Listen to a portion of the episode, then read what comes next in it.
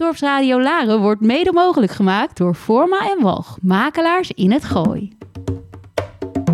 Laren uit, de wildernis in. Wekelijks neemt safari-expert en geboren laarder Frank Ranzijn je mee in zijn wereld. De wereld van ongerepte safarigebieden, de Big Five en de cirkel van het leven. Eten of gegeten worden. Een wereld vol safari-geheimen die hij met jou als luisteraar ontrafelt. Van de mooiste plekken om op safari te gaan tot de regels van de bush. Samen met prominente gasten uit de natuur- en conservationwereld neemt Frank je mee, Laren uit, de wildernis in.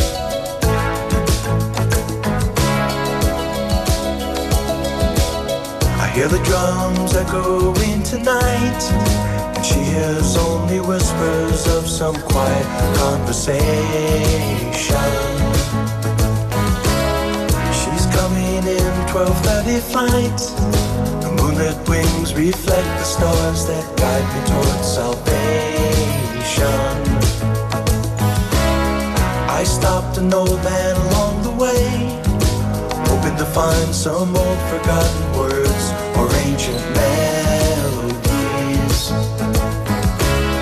He turned to me as if to say,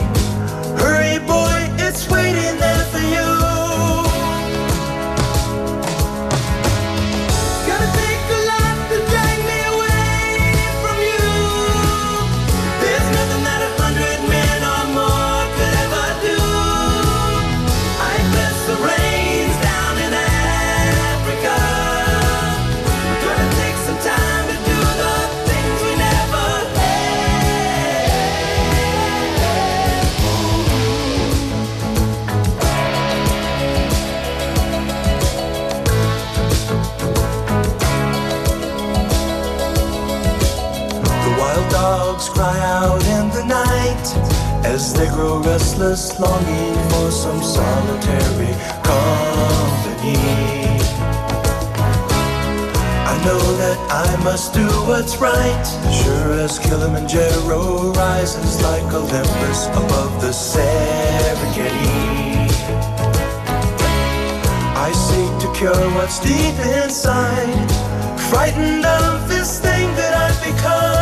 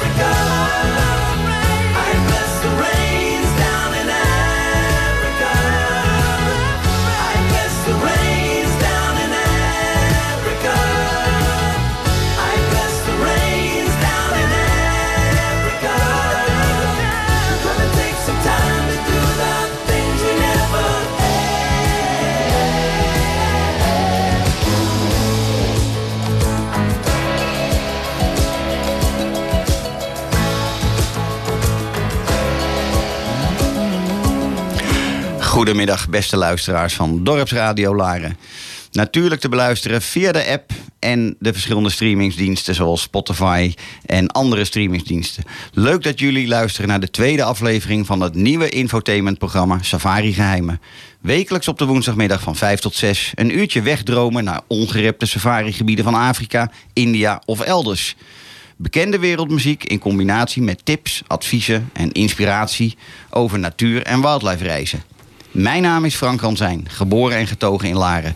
En gepassioneerd natuur- en, en wildlife-liefhebber. Van beroep safari-expert. En al 30 jaar reizend op het continent Afrika. Als persoonlijk safari-reisadviseur. Ik heb dan ook meer dan 800 verschillende safari-plekken mogen bezoeken. Privé en beroepsmatig. Graag deel ik deze kennis en persoonlijke va- ervaringen met gepassioneerde safari-reizigers. Welkom bij deze nieuwe radioshow Safari Geheimen. En dan wil ik eigenlijk meteen mijn gast van vandaag introduceren.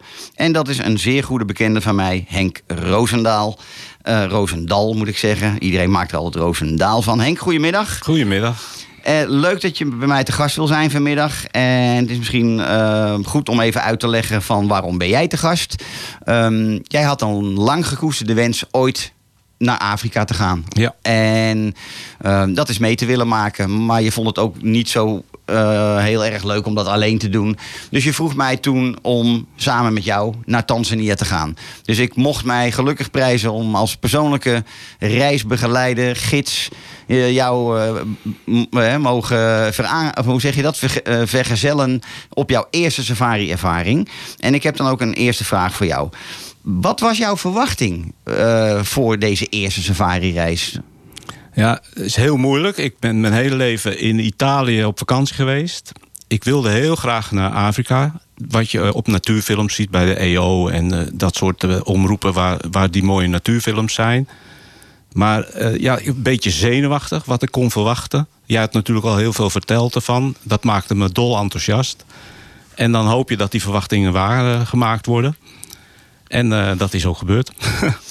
En, en eh, kun, je, kun je daar inderdaad kun je dat omschrijven? Van, ehm, want ik bedoel, wat verwachtte je precies? Wat had je, wat had je voor ogen dat er Dat op je af zou komen? Nou, in, in principe dacht ik eerst dat het heel primitief zou worden. En eh, ik ben angstig voor, eh, voor, eh, voor beesten. Dus dat, dat is al eigenlijk nog geen combinatie. Maar dat, daar maakte hij me aardig rustig mee weer. ik had een rol, ik had een rol. En het, eh, toen de eerste dagen eraan kwamen... dat mensen heel voorzichtig zijn met de gasten... en dat ze goed rondkijken of de wilde dieren in de buurt zijn. Want je leeft gewoon echt in hun habitat natuurlijk. Ja, natuurlijk.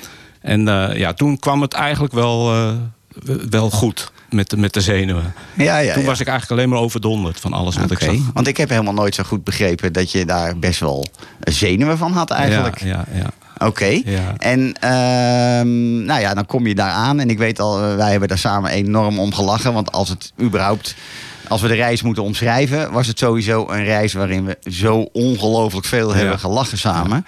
En dat maakt misschien dit soort reizen ook inderdaad naast alle andere mooie dingen ook wel weer heel bijzonder. Het doet ook heel veel aan bonding tussen mensen. Eh, en ik weet nog goed dat jij in het begin eh, zei... eh, ja, wat voor hutje kom ik terecht? Ja. Nou, het eerste hutje waar wij terecht kwamen... is een van de meest beroemde safari-organisaties die er zijn in Afrika. Want toen sliepen we in Singita Faru Faru. Prachtig, prachtig. ja, en nou ja, dat zijn extreem prachtige villa's in de bush, inderdaad. Ehm, ik weet ook nog dat ik te maken had met een ele- ele- elektrische schuifpui. Ja. Die de hele middag open en dicht ging. eh, terwijl ik een dutje probeerde te doen. Maar dat was geen afzien, inderdaad. Hè? Nee, want- Eh, vertel maar- eens. eh, Ja, da- daar had ik ook, toen ik wilde douchen, dat kon je dan buiten doen, buiten die villa.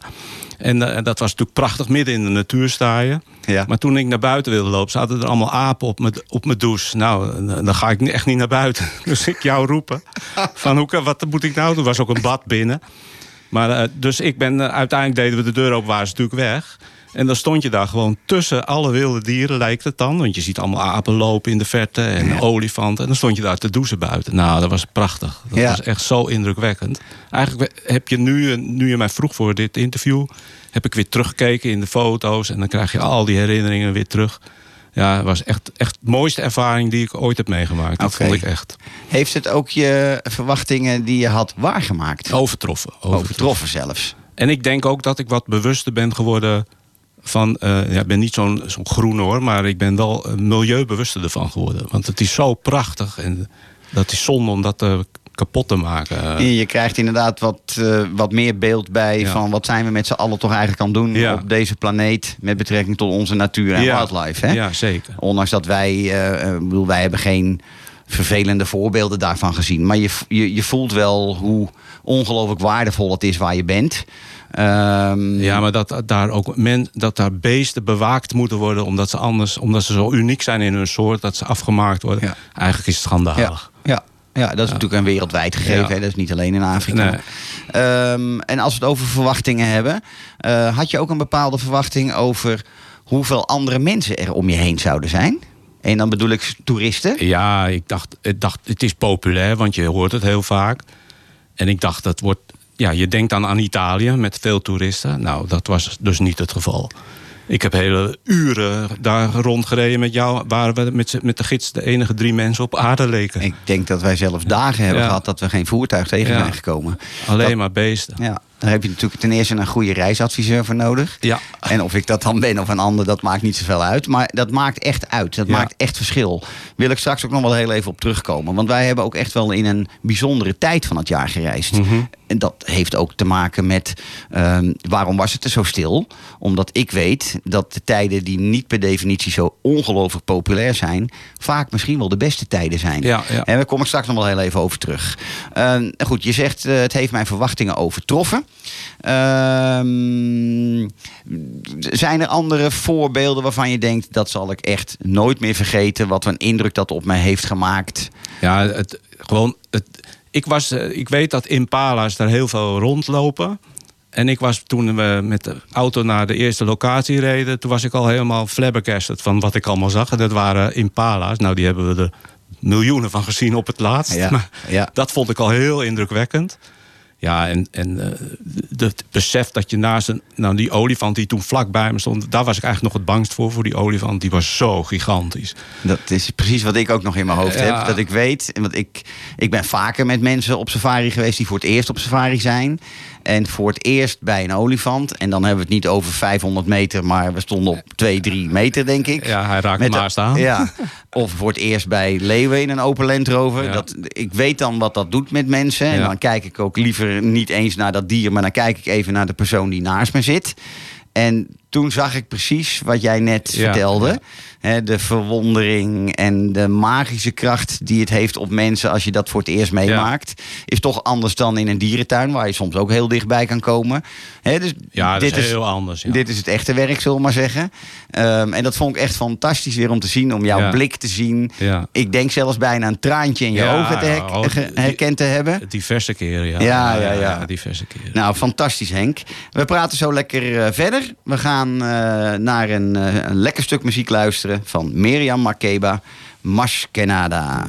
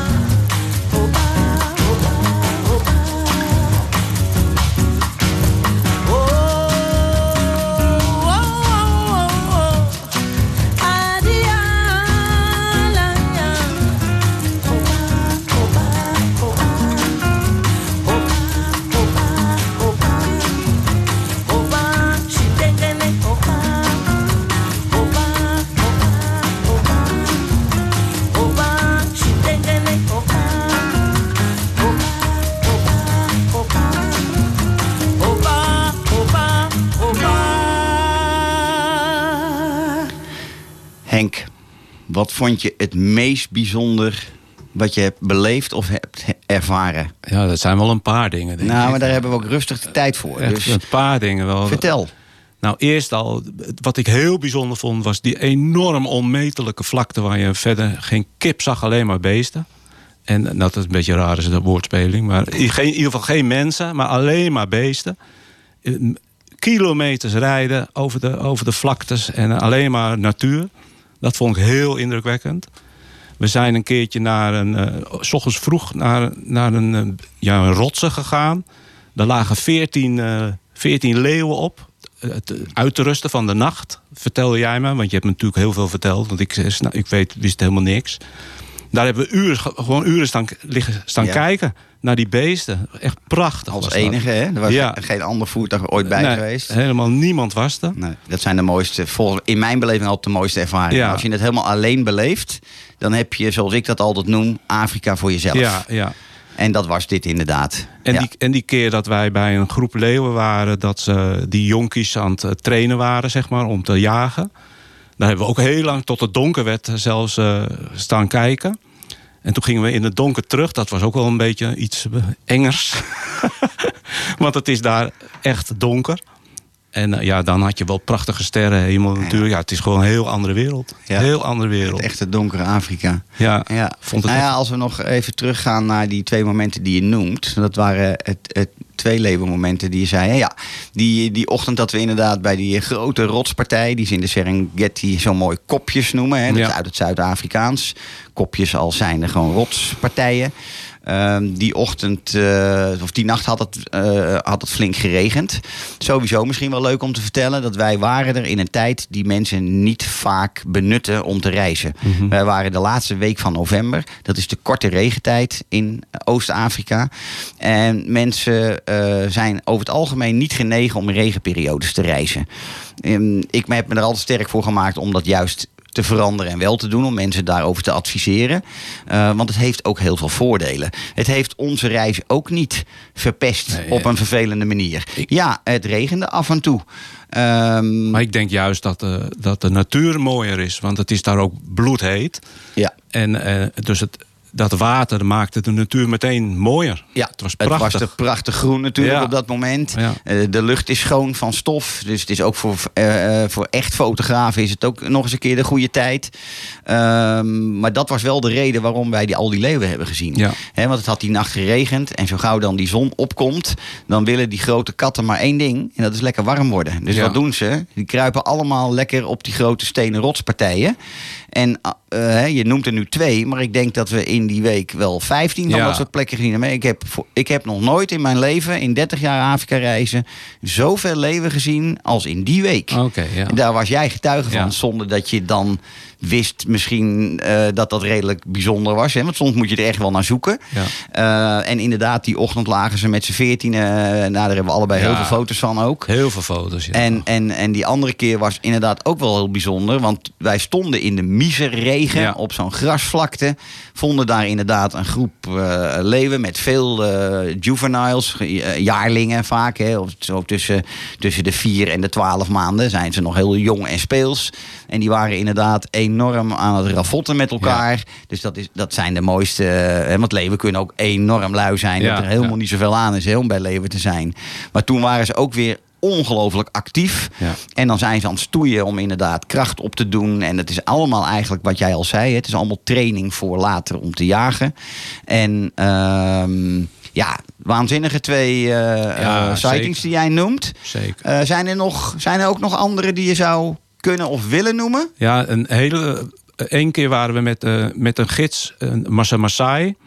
En die vertelde over dat zij uit die streek verdreven zijn. Vanwege eh, het toerisme destijds. Maar hij had daar werk gevonden. En hij steunde zijn familie ook met dat werk. En toen is die, eh, zijn we een keer uitgestapt. Eigenlijk van zijn route af. Naar een rots geklommen. En daar werden vroeger de Maasai bij elkaar geroepen door op de stenen te slaan daar.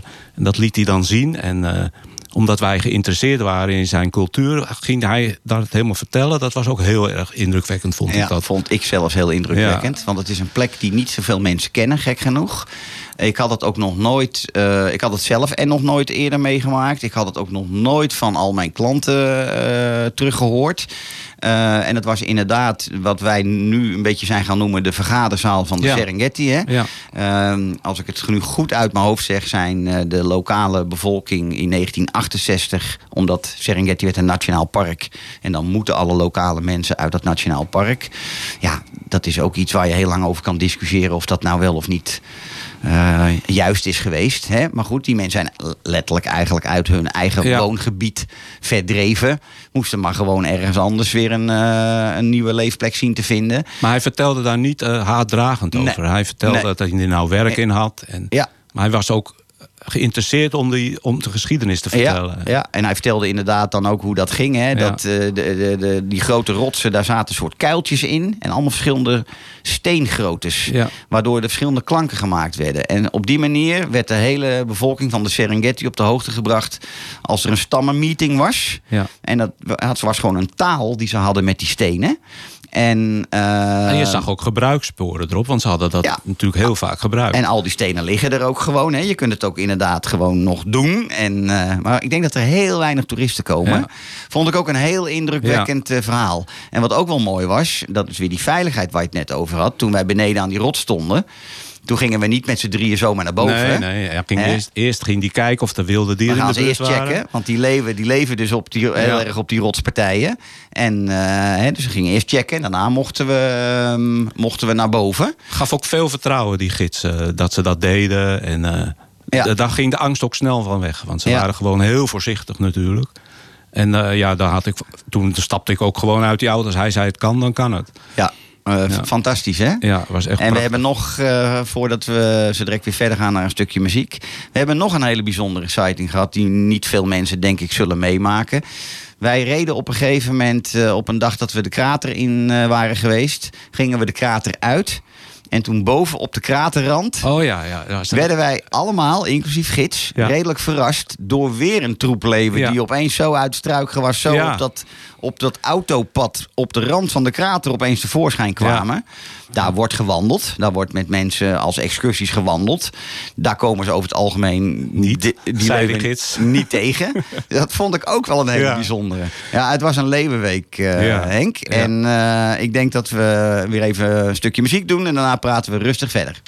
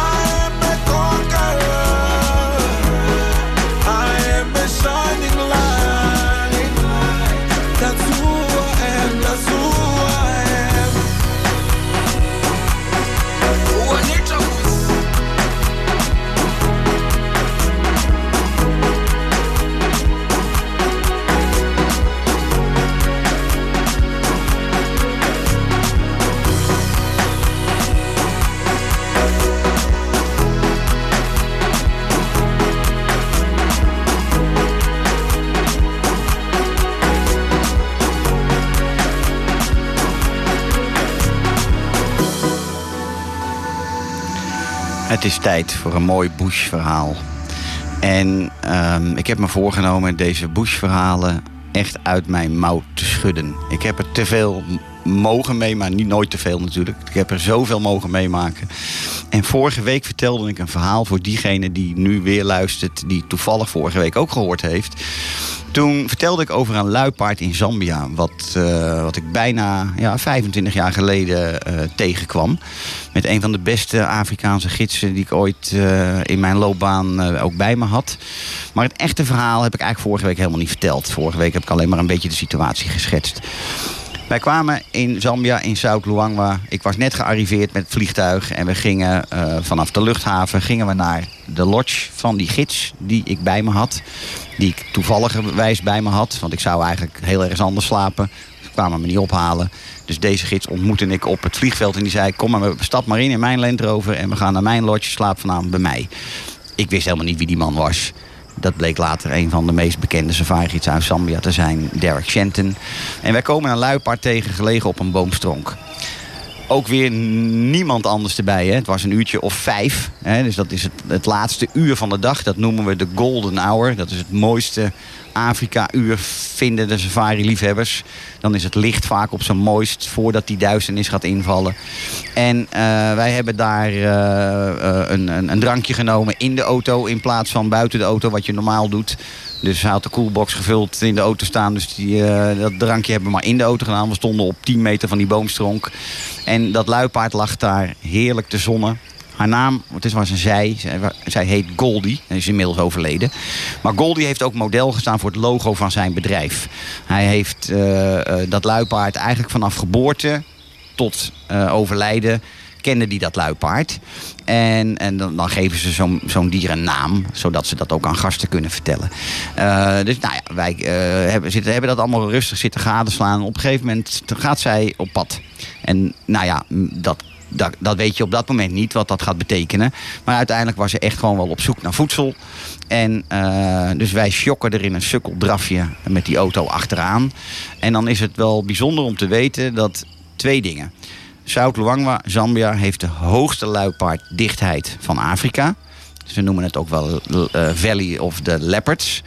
En ehm, doordat die luipaarden, zoals dat op heel veel andere plekken ook is, gewend zijn geraakt aan de safarivoertuigen.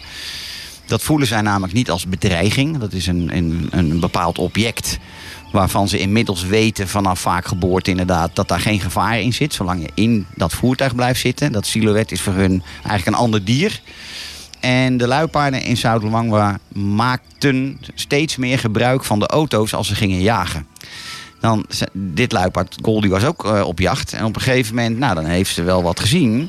En op een gegeven moment komt ze naast, naast dat voertuig lopen omdat ze op die manier uit het zicht kan blijven bij die Impala die aan de rechterkant eh, stond. En zij loopt aan de linkerkant.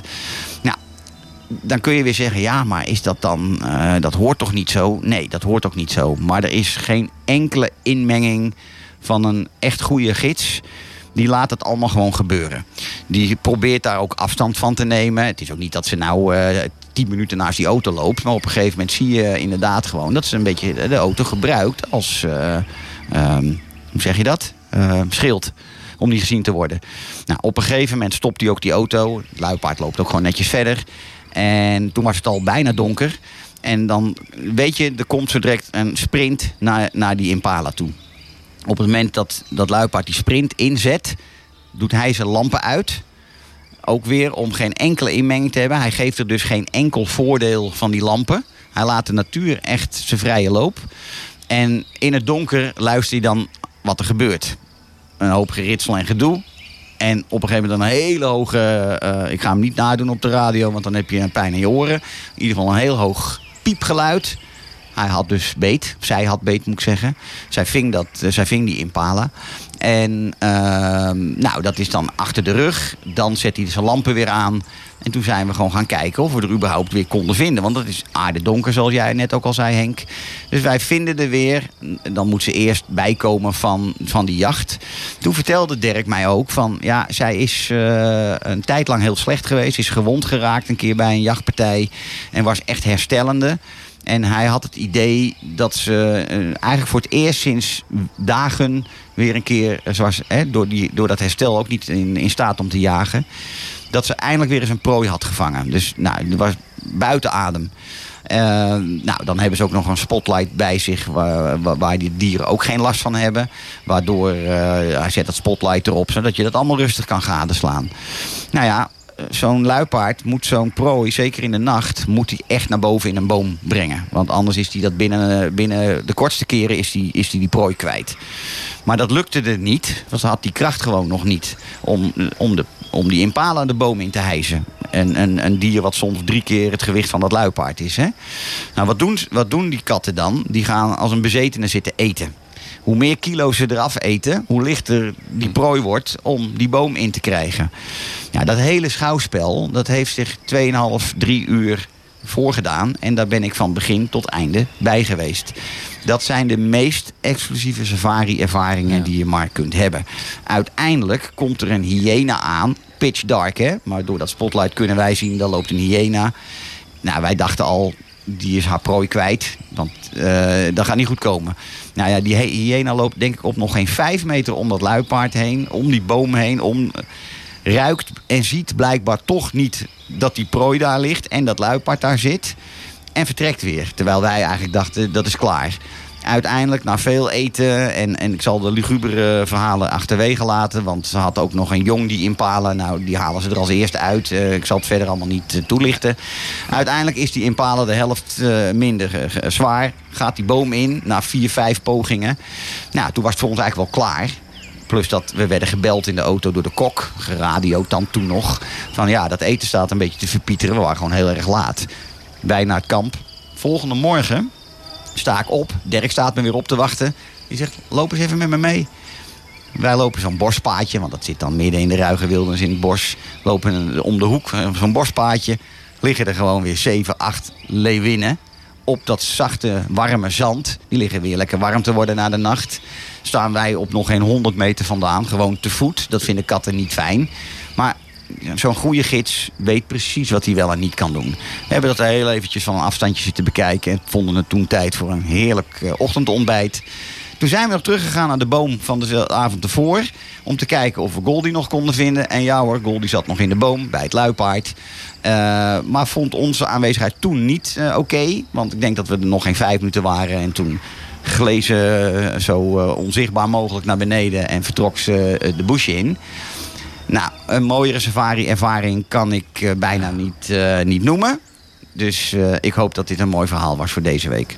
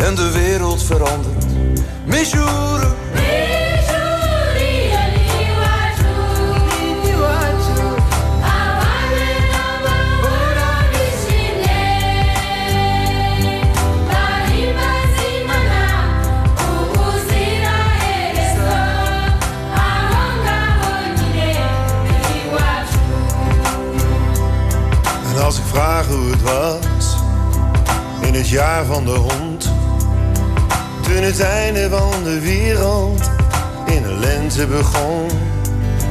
Dan kijkt ze me aan en ze zegt: Laat ons gaan. Want we leven vandaag en niets blijft bestaan.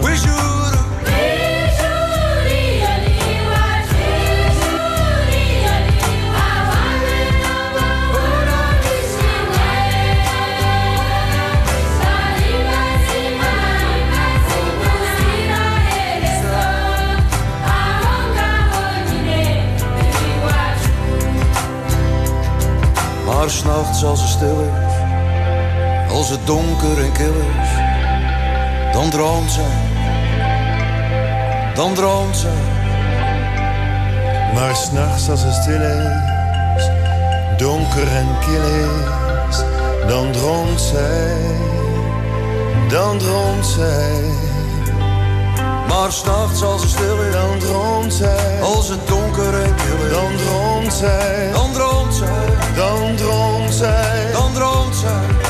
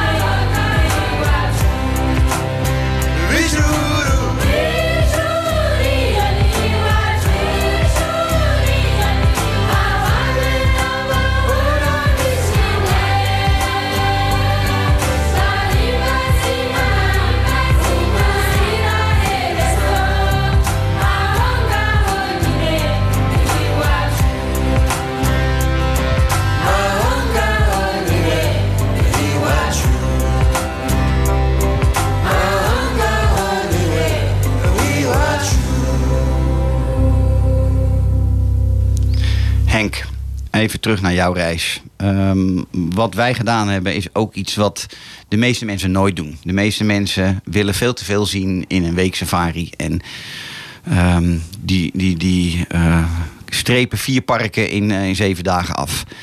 Nou ja, dat heeft ook alles met mijn kennis en ervaring, denk ik, te maken. Maar ik weet hoeveel mooier het soms kan zijn om een gebied wat nadrukkelijker Ja. te verkennen en te bezoeken. Hè, wij hebben ervoor gekozen om gewoon een week in de Serengeti te zijn en alle verschillende biotopen van de Serengeti eigenlijk mee te maken. Ja. Als ik jou nou vraag van welke van de vier regio's die wij gezien hebben, en ik zal ze nog even noemen, want ik snap dat jij ze niet allemaal zo met name kan benoemen.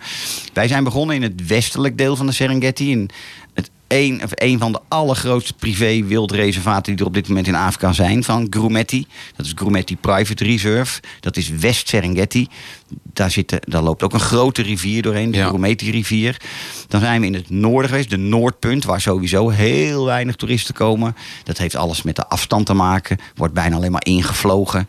Is te ver voor mensen eh, die met minibusjes eh, eh, op reis zijn. Dat, dat is gewoon veel te ver weg. Ehm, en dat vind ik zelf landschappelijk gezien de mooiste regio. Vanwege de grillige Ja. rotspartijen, et cetera, die daar zijn. En de Mara-rivier die daar doorheen loopt. Daar hebben we ook ontbeten volgens mij daar, toch? Een Ja, keertje. dat is Ja. waar we toen ontbeten hebben, zo'n bush breakfast gedaan hebben.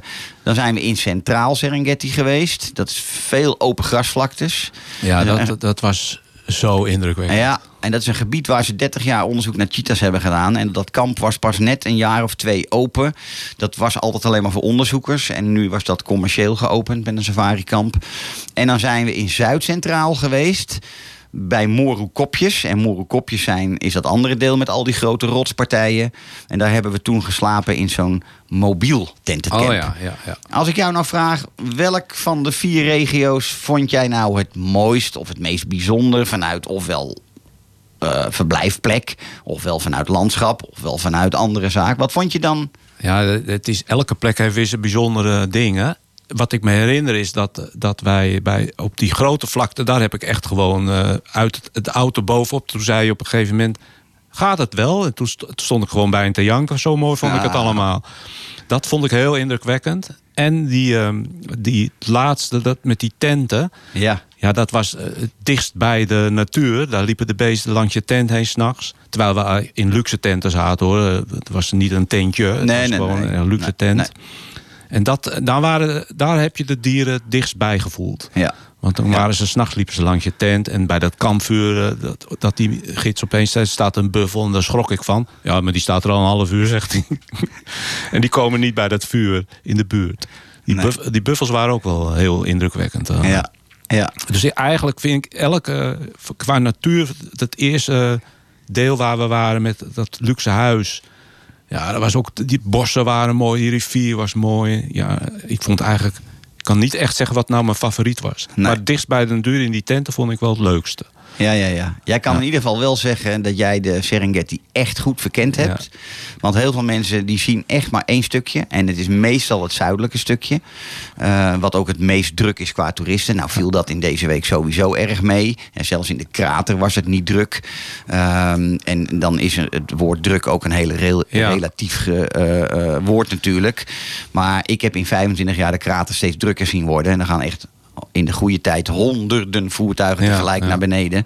Ehm, en toen wij er waren, nou ja, misschien waren er ook wel honderd, maar dan 13 kilometer doorsnee. Ja, dat was toen ook een beetje mistig. Dat was toch heel mysterieus. Het was ook regenachtig inderdaad. En, ehm, dus jij hebt echt wel de Serengeti op zijn best Ja. gezien met alle verschillende regio's. En mijn vliegangst overwonnen. Want we zijn, eh, toen Ja. moesten we met een, een stuk vliegen. Met Ja. een klein vliegtuigje. En ik heb vliegangst. En toen zei je ook nog die hilarische woorden... wil je aan het raam zitten? Ik zeg, nou in dit vliegtuig zit je altijd aan het raam. En toen was ik heel angstig. En we stegen op. En toen zagen we giraffen galopperen, heet dat ook natuurlijk. Nou, toen was ik de angst kwijt. Toen Ja. zat ik alleen maar naar buiten te kijken. Ja. Ja, heel veel mensen hebben deze angst. Hè? Dat is helemaal niet gek. Eh, en toch ook heel veel mensen overwinnen de angst. Maar er zijn er ook genoeg. eh, ik heb ook genoeg klanten mogen helpen die ik er nooit overheen heb Ja. gekregen. En die wilden dan echt overland in een auto naar bepaalde plekken Ja. toe. Maar dat betekent wel soms dat je gewoon één, twee dagen extra kwijt bent om daar te komen. Maar als luisteraars er bang voor zijn... dan is eh, door wat je ziet, overwint je angst het. Ja, het Dat is waanzinnig, hè? Ja. Ja, en dan, en dan te bedenken dat je in een uurtje op je plek bent van, van Arusha, Kilimanjaro, eh, de, hoofd, eh, de, de, de toeristenhoofdstad noemen we het van Tanzania, want het is niet de hoofdstad. Vlieg je gewoon in een uur naar west, Ja. uur, een uur en een kwartier naar westelijke Serengeti. Als je dat moet rijden, ben je gewoon 12 uur Ja, onderweg. Dus dat is, eh, hè, dat is ook de meest eh, comfortabele manier van reizen. Ja. Dus natuurlijk, het heeft allemaal een prijs. Dat, dat ben ik me ook van uh, te degen van bewust. Ehm, maar goed, zo is er voor, eh, voor iedereen een manier van reizen. En eh, ja. Ja. we zijn een beetje verwend, hè? dat kunnen we Ja, rustig dat zeggen. kunnen we wel zeggen, ja. Ja, en ehm, dus jij zegt, oké, ik heb niet echt een favoriete plek. Nee, ehm, ik krijg die vraag ook vaak, waar ik ook in Afrika ben geweest. En ik kan dat ook nooit zo goed zeggen, want ieder gebied waar je bent heeft, Specifieke, heeft specifieke dingen, ja. mooie dingen. En ehm, nou, ik wil je eh, danken vast voor jouw verhalen. Ik kom Nou. straks nog één keer bij je terug met een laatste mooie afsluitende vraag. Om te horen, eh, denk daar vast over na. Ja. Van als je nog eens terug mag, is er dan een land op je lijstje waar je nog een keer zoiets zou willen doen? Denk daar eens over na.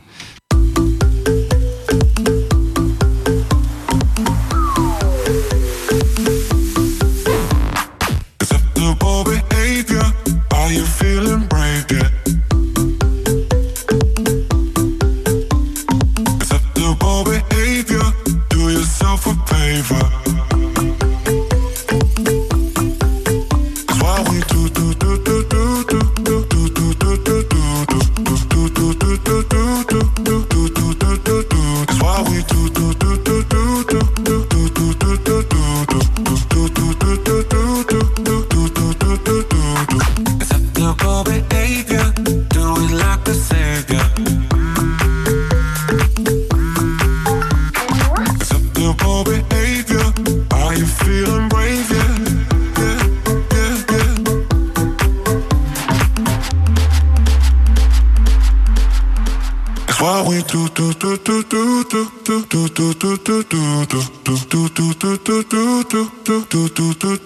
That's what we do.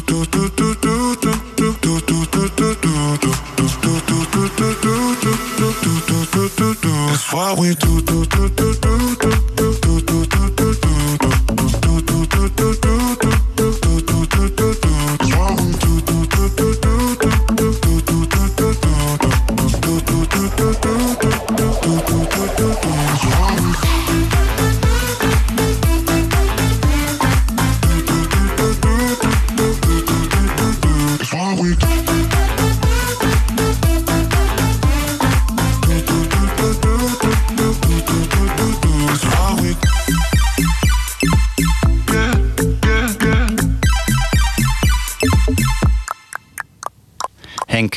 Als je nu nog een keer zoiets zou willen doen als vijf jaar geleden naar Tanzania, heb je dan een lijst op je bucketlist staan of een ervaring op je, op je bucketlist staan wat je dan zou willen doen? Nou, sowieso nog een keer terug naar Afrika. Dat sowieso. Want eh, het is natuurlijk veel groter dan alleen Tanzania. Ik heb niet zo'n verstand van landen. Maar jij vertelde ook over India. Dat daar ook eh, natuurlijk een hele andere wereld. Tijgers en zo zijn.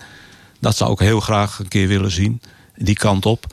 En dan in Azië. Maar ik weet verder niet of daar eh, zulke... Ja, er zijn ook hele uitgestrekte gebieden waar je kan, kan eh, kijken. Ja, die natuur, dat is gewoon... Dat trek je. Dat, Ja. vers- dat maakt verslavend. Hier zijn natuurlijk veel bossen in de buurt. Hier in Baren en in Laren. En er zijn bossen zat. Maar dit is zo uitgestrekt en zo anders. Dat- Ja, ja. Nou, ik vertel graag een keer eh, in een uitzending eh, veel meer over bijvoorbeeld India. India is een fantastische safari-bestemming. wat veel mensen helemaal niet, eh, niet per se weten. Ze denken inderdaad alleen aan die tijgers. Ehm, er wordt ook wel eens gezegd van... als je Afrika en India naast elkaar zet... dan heeft India eigenlijk nog veel meer groot wild dan Afrika. Eh, zij hebben niet de Big Five, maar de Big Seven. Want zij hebben naast diezelfde Big Five die Afrika heeft... inderdaad die tijger erbij. Ja, ja. En daarnaast de kraagberen. Ehm, maar het is sowieso een enorm, eh, een enorme diversiteit in India. Ja. Het is natuurlijk veel, veel bosrijker. Het is echt jungle. Daar komt Jungle Book natuurlijk ook vandaan. Waar. Afrika natuurlijk veel meer een afwisseling is van open vlaktes en bosrijke gebieden. Ehm, India is ook tropischer wat dat betreft. Ehm, maar zeker een, eh, een mooi onderwerp om eh, nog eens verder over te spreken. Ik wil jou nogmaals eh, danken voor jouw aanwezigheid als gast vandaag. Heel graag gedaan. Ik wil ook meteen Jan Willem als onze technicus van vandaag bedanken voor eh, alles weer prachtig in te regelen. En ik zie jullie allemaal of hoor. Ik hoop dat jullie volgende week allemaal weer luisteren. Zelfde tijd, zelfde dag. Dankjewel voor vandaag.